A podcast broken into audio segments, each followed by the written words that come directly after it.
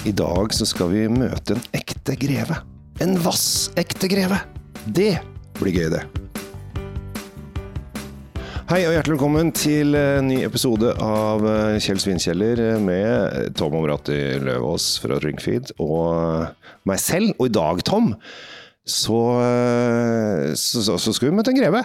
Ja, det skal vi. Det blir mye blått blod i dag. Som, uh, vi skal ikke blande den opp i vinen, men det, det, er veldig stas, uh, dette her. Men, uh, vedkommende som vi har med oss i studio, er jo en er blitt nesten en levende legende fra sitt område. Mm. familien hans har vært der i flere generasjoner, i hvert fall to. Og de har drevet med altså, Vi kommer til det alt det der, sånn men jeg gleder meg veldig. Dette blir veldig spennende. Altså det er jo ikke hver gang vi får lov å henge med adelen. Det, det er jo ikke hverdagskost selv for oss, selv om vi eh, virker som noen ordentlige adle, typer. Altså jeg henger jo med selvfølgelig fiffen hele tiden. Eh, så for meg, nei da. Eh, det som er litt morsomt er jo at landet som han kommer fra har jo ikke noe adel lenger. Nei. Han har bare en tittel. Men, men, likevel skal vi bare introdusere han og sette i gang. Vi kan jo bare begynne med det. Da slår, slår vi over på engelsk, da. Yes, let's take it over in English. And welcome to our podcast. Hello, hello, good morning. And with us today we have uh, we have uh, Francesco. That's me. Count of Cinzano, yes, right? Yes, yeah. that's right. And and you're you're sort of a, a, living legend in your in your area now. Uh, you've been there for for like ever. Um, both uh, Kjell Gabriel and I have visited your, your place, and you've always been there. Yes, well, I took over in '91, so it's, it's been a long time. Been more than thirty years now. It was your father who founded the, the, the state. My father uh, arrived in Montalcino in 1973 and uh, he found this opportunity, the Col d'Orcia opportunity. It was a very different time and uh, we're actually celebrating 50 years this year, this uh, next month in November of, of the arrival. And uh, the feature that always uh, surprises me is that in, in those days and up until the very early 80s, Montalcino was uh, known in Italy for being one of the poorest municipalities in the land. And uh, so the number of bottles of Brunello was really very, very small. It was uh, uh, a very different uh, scenario to what we have today. But was Brunello looked upon as a serious wine at that point, or was it just uh, another wine? For the very few people that knew about Brunello, yes, it was a serious wine, and uh, of course the the Biondi-Santi wine was around, and uh, uh, it was well known uh, among a very small circle of people, especially in Rome. But if you went to Milan or to the north of Italy, nobody knew what Brunello was in those days. So it was uh, a very small reality. So you can say that the Brunello area is from the 90s and up to now. Yes, the great breakthrough uh, happens in 1995 when the US market discovers the Brunello di Montalcino 1990. You know, it takes five years for the wine to come out. So in 95, the great vintage, the historic vintage of 1990 arrived on the market and it was noticed by the wine writers was uh, they started publishing about it and that's when the, the fortunes of uh, brunello started and uh, uh, and then in 96 the reserva 1990 came out a year later uh, and that really sort of made the front cover front page of uh, of uh, wine magazines and so on. How did you find your way into the wine industry? You, you told us before that you're not a winemaker; you're, you're a farmer. Well, yes, I, I have become a farmer. My, my, family has produced wines for, for many generations. We we are from the area of Torino in the north of Italy, and um, the family goes back to the 16th century, late 16th century, when we were producing, uh, had license to produce uh, wines and distilled spirits for the city of Turin and the city of Chieri, the, the surrounding and um, and then after the Napoleonic Wars, after the French Revolution, we moved into the city. We moved uh, to the center of, of Torino and continued the trade and vermouth and uh, and then uh, the collaboration with the um, royal family of uh, Piedmont of Sardinia, where um, my ancestors were put in charge of developing the wine industry of the area of Asti so my my forefathers they contributed uh, to the creation of Asti Spumante, for instance, and of course uh, vermouth, which was very typical of uh, Torino, and the uh, ambassadors from the uh, state of uh, Savoy, the state of Torino, used to bring vermouth to the different capitals of the world where they traveled, and. Um, and we were supplying the the, the royal house, and and then we we were put in charge of the cellars in Santa Vittoria d'Alba, so near near Alba, so in uh, between Alba and Bra, and um, near the property which is still today uh, fairly well known, Pollenzo, where we have the University of Gastronomic Sciences, and we uh, contribute. I contributed. I'm a founding member of that uh, that university. And uh, anyway, uh, eventually, then my ancestors rented the royal cellars and finally purchased them and um, and then my father had this kind of fascination with Tuscany. Who doesn't? and uh, so he decided to to bring this property, uh, to buy this property, and uh, um, and to make sure that we we didn't want to go there because it was so poor and the roads were so bad to get to Montalcino. They took a very long time to to drive there. So he celebrated his uh, 50th birthday uh, he brought all the family. We were all compelled to go there because it was his uh, his birthday, and that's how he he introduced us to to the place. And then, uh, well, the facts of life uh, and and everything else, and uh, I found myself with this unique farm in um, in Montalcino, and and I became a farmer. I reinvented myself as a farmer. And of course, you are growing grapes. I'm growing grapes, but uh, you know, as I uh, as I, you can see this year with the very difficult weather conditions that uh, we're seeing in the vineyards in in Italy and not only in uh, in the Mediterranean area, uh, the biodiversity, the polyculture, in other words, having different crops growing together and uh, making sure that uh, they um, they are part of the biodiversity of the of the area is an essential element of healthiness. Uh, because uh, uh, you you work with, on something which is a bit ethereal, a bit difficult to to to measure scientifically, but it's the biological control, and biological control means that any sanitary problem finds a solution in nature. No, so if you have a worm that's eating the leaves of your vines, uh, it's important that you have the bird that eats the worm, and and so on. So that's what we work on, and that's why I define myself a farmer because you can't do only grapes by themselves. I know that you lived for ten years in Chile. Why? Well, the, when when I took over Col d'Orcia in, in, in 1991, uh, I had a very capable general manager who was running the day to day of the of the estate, and uh, I had a young family. My my wife wanted uh, adventure. Women always want adventure, don't they? And uh, and so when I said uh, let's go to Montalcino, said she, "Oh, I married you to travel the world, not to live in Italy." And um, so in those days, you know, dictatorship had just finished in Chile. The wine industry was uh, emerging.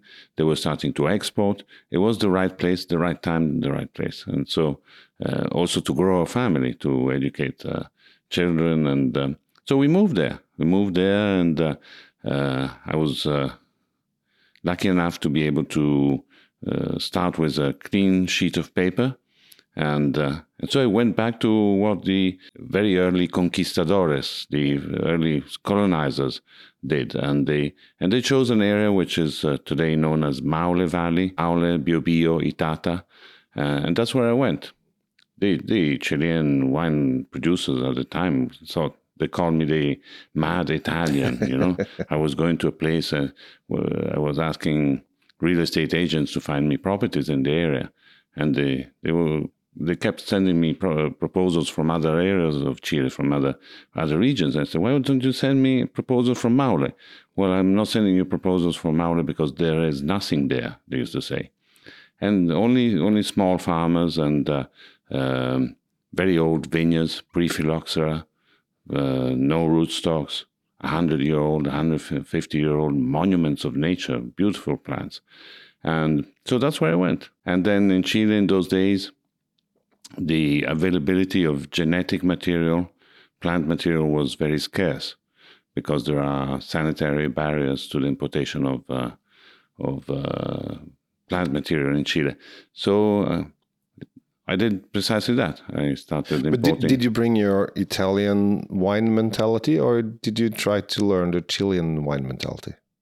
the wine mentality is the same world around. I, I, what I found uh, were uh, farmers, local farmers in, in Chile, who knew how to prune the, the vine, how to look after the vine, um, and then I, I brought more of a modern view to to the winery, to the vinification, to the equipment, to the uh, choice of genetic material in the in the vineyard, but uh, the, the wine culture is very strong in Chile. They've produced wines for since the beginning of the colonies. So no, I didn't I didn't have to teach them anything. I learned I learned from them. I learned how to protect, how to respect nature.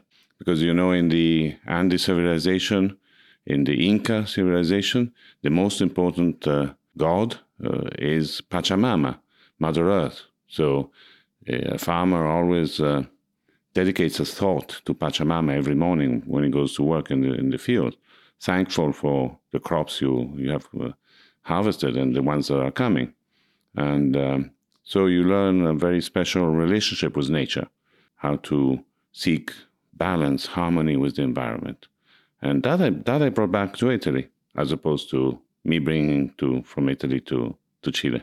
Because you returned to Italy in uh, 2006, if I recall. Yeah, 2005, 2006, we we came back, and uh, by then the general manager uh, was retiring, and so I, I took over the day to day running of the estate as well. Are you still involved with the Chilean uh, enterprise? It's it's called Erasmo, yes, and uh, it was always a partnership with a local um, family, a local family that owns a a very beautiful uh, land on, on the riverbanks of, uh, of an affluent to the Maule River, uh, an affluent that has a very difficult name, Quilauquén, a very, very ancient name from pre, pre-colonial uh, civilization. And um, uh, now they, I pass it on to the younger generation. Um, I'm concentrating on Col d'Orcia and uh, my, my sons and the new generation of our partners are running the show or supposed to run the show now. Do you have any overall visions for Col d'Orcia? Uh, what you want to bring forward? Well, that's a good question. Well, that's that's a job for my for my children, for my for the next generation.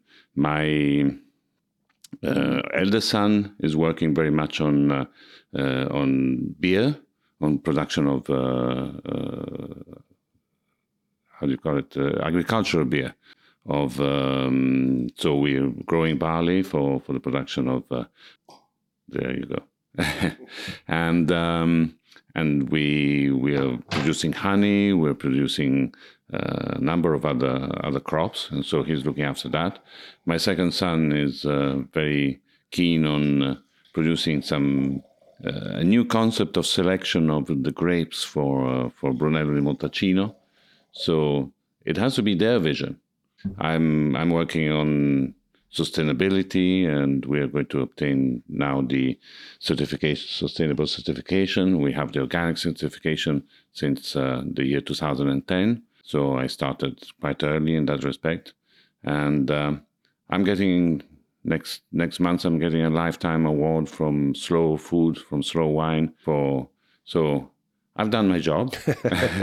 Certainly, it's, it's their turn now. I was thinking maybe we could, as, as everybody's uh, have been uh, been listening into that, we have poured some wine in uh, in our glasses.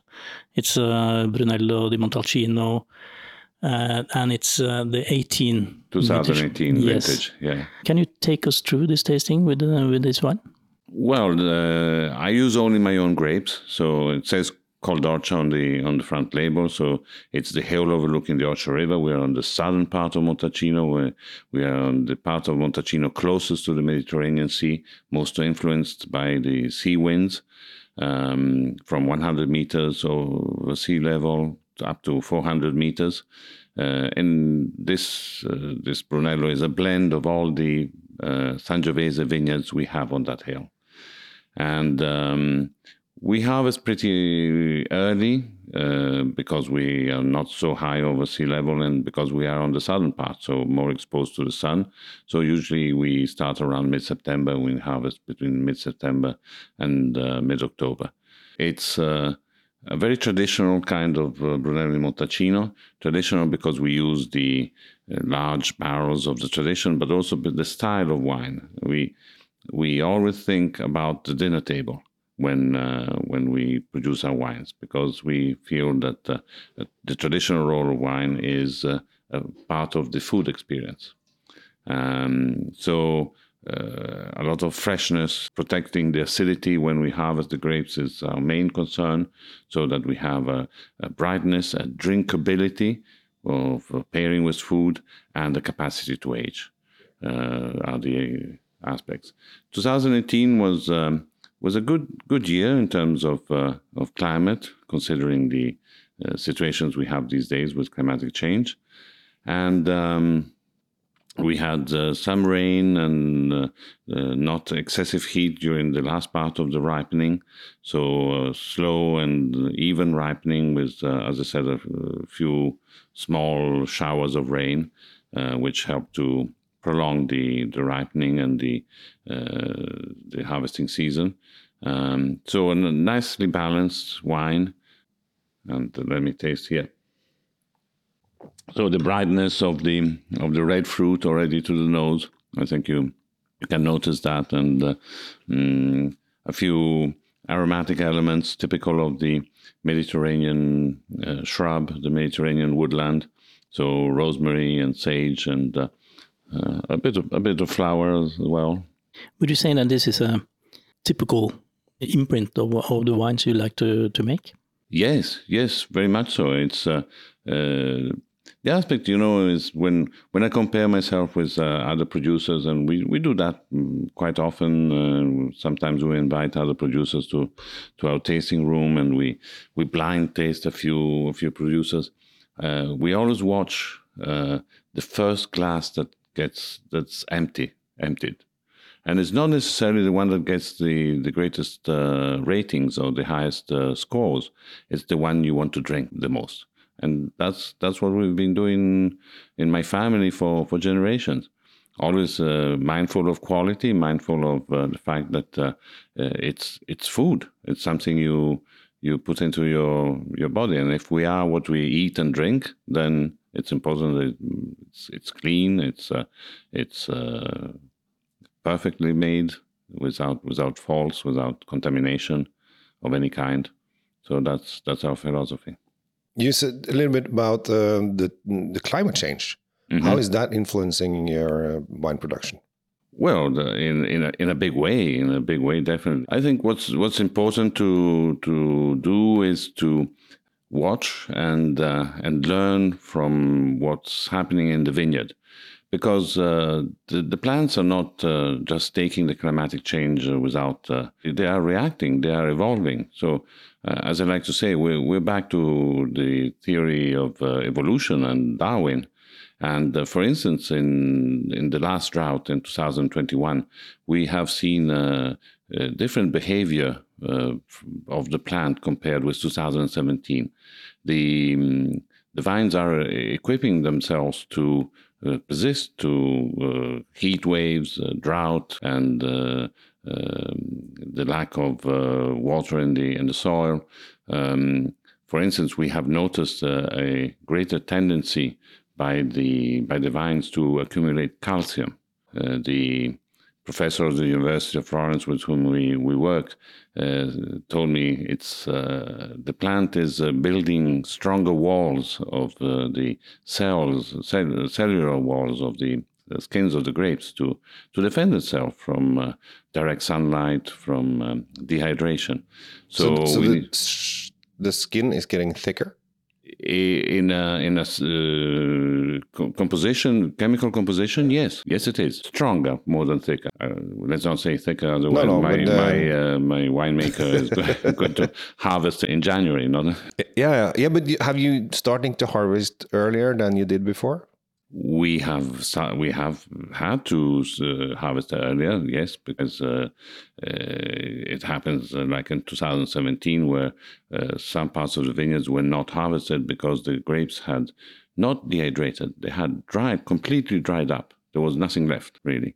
So um, we don't defoliate anymore. We make sure that the grapes, uh, the, the, fruits are uh, in the shade of the of the leaves of the plant, and uh, um, we we remove the cover crops, uh, the green manure from the vineyard area.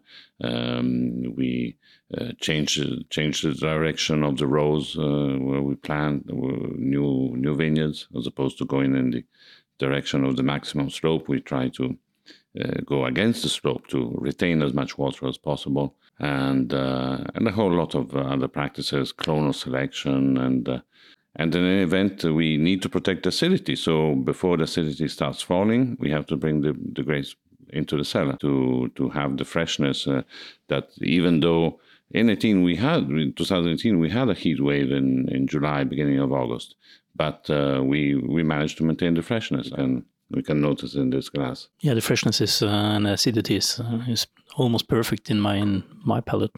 I'm so lucky that I have tasted 19 and 21 of your wine because I tasted it on the barrels in in April Yes. Uh, so when you talk about 21, I, I say, oh, I tasted it already. Uh, and that's the cool thing. If you visit your winery, you, you have the possibility to taste uh, things from the barrels and see the development. And then you see that the wines are uh, young and uh, a lot of freshness, but they're not balanced yet. And you come out, and this is the final result uh, now. But of course, this can you can drink this in 20 years as well. Yes, well, that's that's the other aspect. The, we consider that the core value of Brunello is ageability. So we want to make sure that uh, uh, because if you give it time, uh, it uh, it develops, it gains in uh, complexity, it becomes softer, and the the sensations, the emotions are so much stronger. But do you have do you want to make the wine taste about the same every year, or do you want to have diversity? No, there is diversity. Well, we we are allowed uh, legally and by um, protocol of production to mix uh, up to fifteen percent of any vineyard of any uh, vintage available in the in the cellar. In any so in 2018 you will have 85% of 2018 and then about 15% from other harvests. So that helps to uh, reduce the difference between one vintage and the other. But as I say, each vintage has to be the son or daughter of the of the climate of that year, uh, and so we want differences. But we don't want to surprise the consumer. If you're a Brunello consumer and you drink a bottle of Brunello for a celebration this year, next year when you go and get the same bottle for the same celebration, you don't want a surprise. You want the same pleasure. And that's what we have to ensure that we give the same pleasure year after year. Thank you so much, Francesco, for for sharing your time with us and, uh, and uh, talk about your beautiful place in uh, in Col d'Orcia and Montalcino and, and everything. And it's been a real pleasure to have you aboard our show. Thank you very much. Thank you, thank you. And one last word: we we like to receive visitors. We have a lot to show on the estate, so come and visit. I, I was there. I've been there twice with groups, and uh, the last time I was there, uh, one of the uh, group members just went out in your beautiful garden and just lay under the tree for half an hour. and we just we forgot him. So oh, where's where's Mario? Oh, he's under the tree over there. He thought it was excellent. So uh, yeah, everybody should visit. Men nå, Tom, vi, det har vært hyggelig. Dette har vært kjempehyggelig og veldig ja. interessant. og jeg mener, det er, det er, jo en, eh, ja, som jeg sa, nesten en levende legende. Han, han er jo nestor uh, i Montalcino også, og er jo involvert i utviklingen av området, ja. uh, vindmessig sett. Og, og, også faktisk en ganske visjonær fyr i forhold til det å, å, tenke på miljø og, som vi hørte, mikrobiologi, klima rundt og alt mulig rart. Altså, en, en, en, en veldig visjonær kar. Den vinen vi har smakt, skal vi si noe om den? Vi kan si noe om den. Det er da Brunello Montalcino DOCG 2018. Og den, eh, koster rundt 300 og noen kroner. det, det er 75 faktisk. Ja. Og det er den verdt. Ja, som sagt, jeg har jo vært der, jeg var der nylig, eller nå i mai, eh, april, og fikk da smake fra to, to på fat og denne her og helt tilbake til 1981. Eh, dette her er noe av det bedre, om du ikke sier topp tre av Montalcinoer i mitt lille univers. Jeg er til dels enig, jeg også. Jeg må bare få lov å si at jeg også har vært her, da. Ja, ja, ja. Det liksom- Du har vært her to ganger, du også. Jeg har vært her to ganger, ja. men og, og, og, to ganger. da hadde vi sånn eh, linjesmaking, altså årgangssmaking. Og det. Denne eh, var vel bare på fatet da jeg var der sist, og den hadde ikke blitt tappa ennå. Eh, Vi gleda oss veldig til den kommer, eller at den skulle komme, og den, den innfrir til de grader. Jeg syns at uh, hør denne episoden, og kjøp vin, kos deg med den til hva du nå ønsker av eh, god mat på kvelden. Og er du vimser rundt ned i Toskana sør for Siena, så er det bare å bestille smaking der. Da får du det Toscana Experience, som de kaller det. Da får du fem, seks, syv årganger. Det er kjempegøy. Da runder vi av, vi runder av fra Oslo slash Toscana Toskana slash Kilo. Ja, det- takk for at du lytter. Jeg heter Kjell Gabriel Henriks. Tom Amir Løvaas. Ha det bra.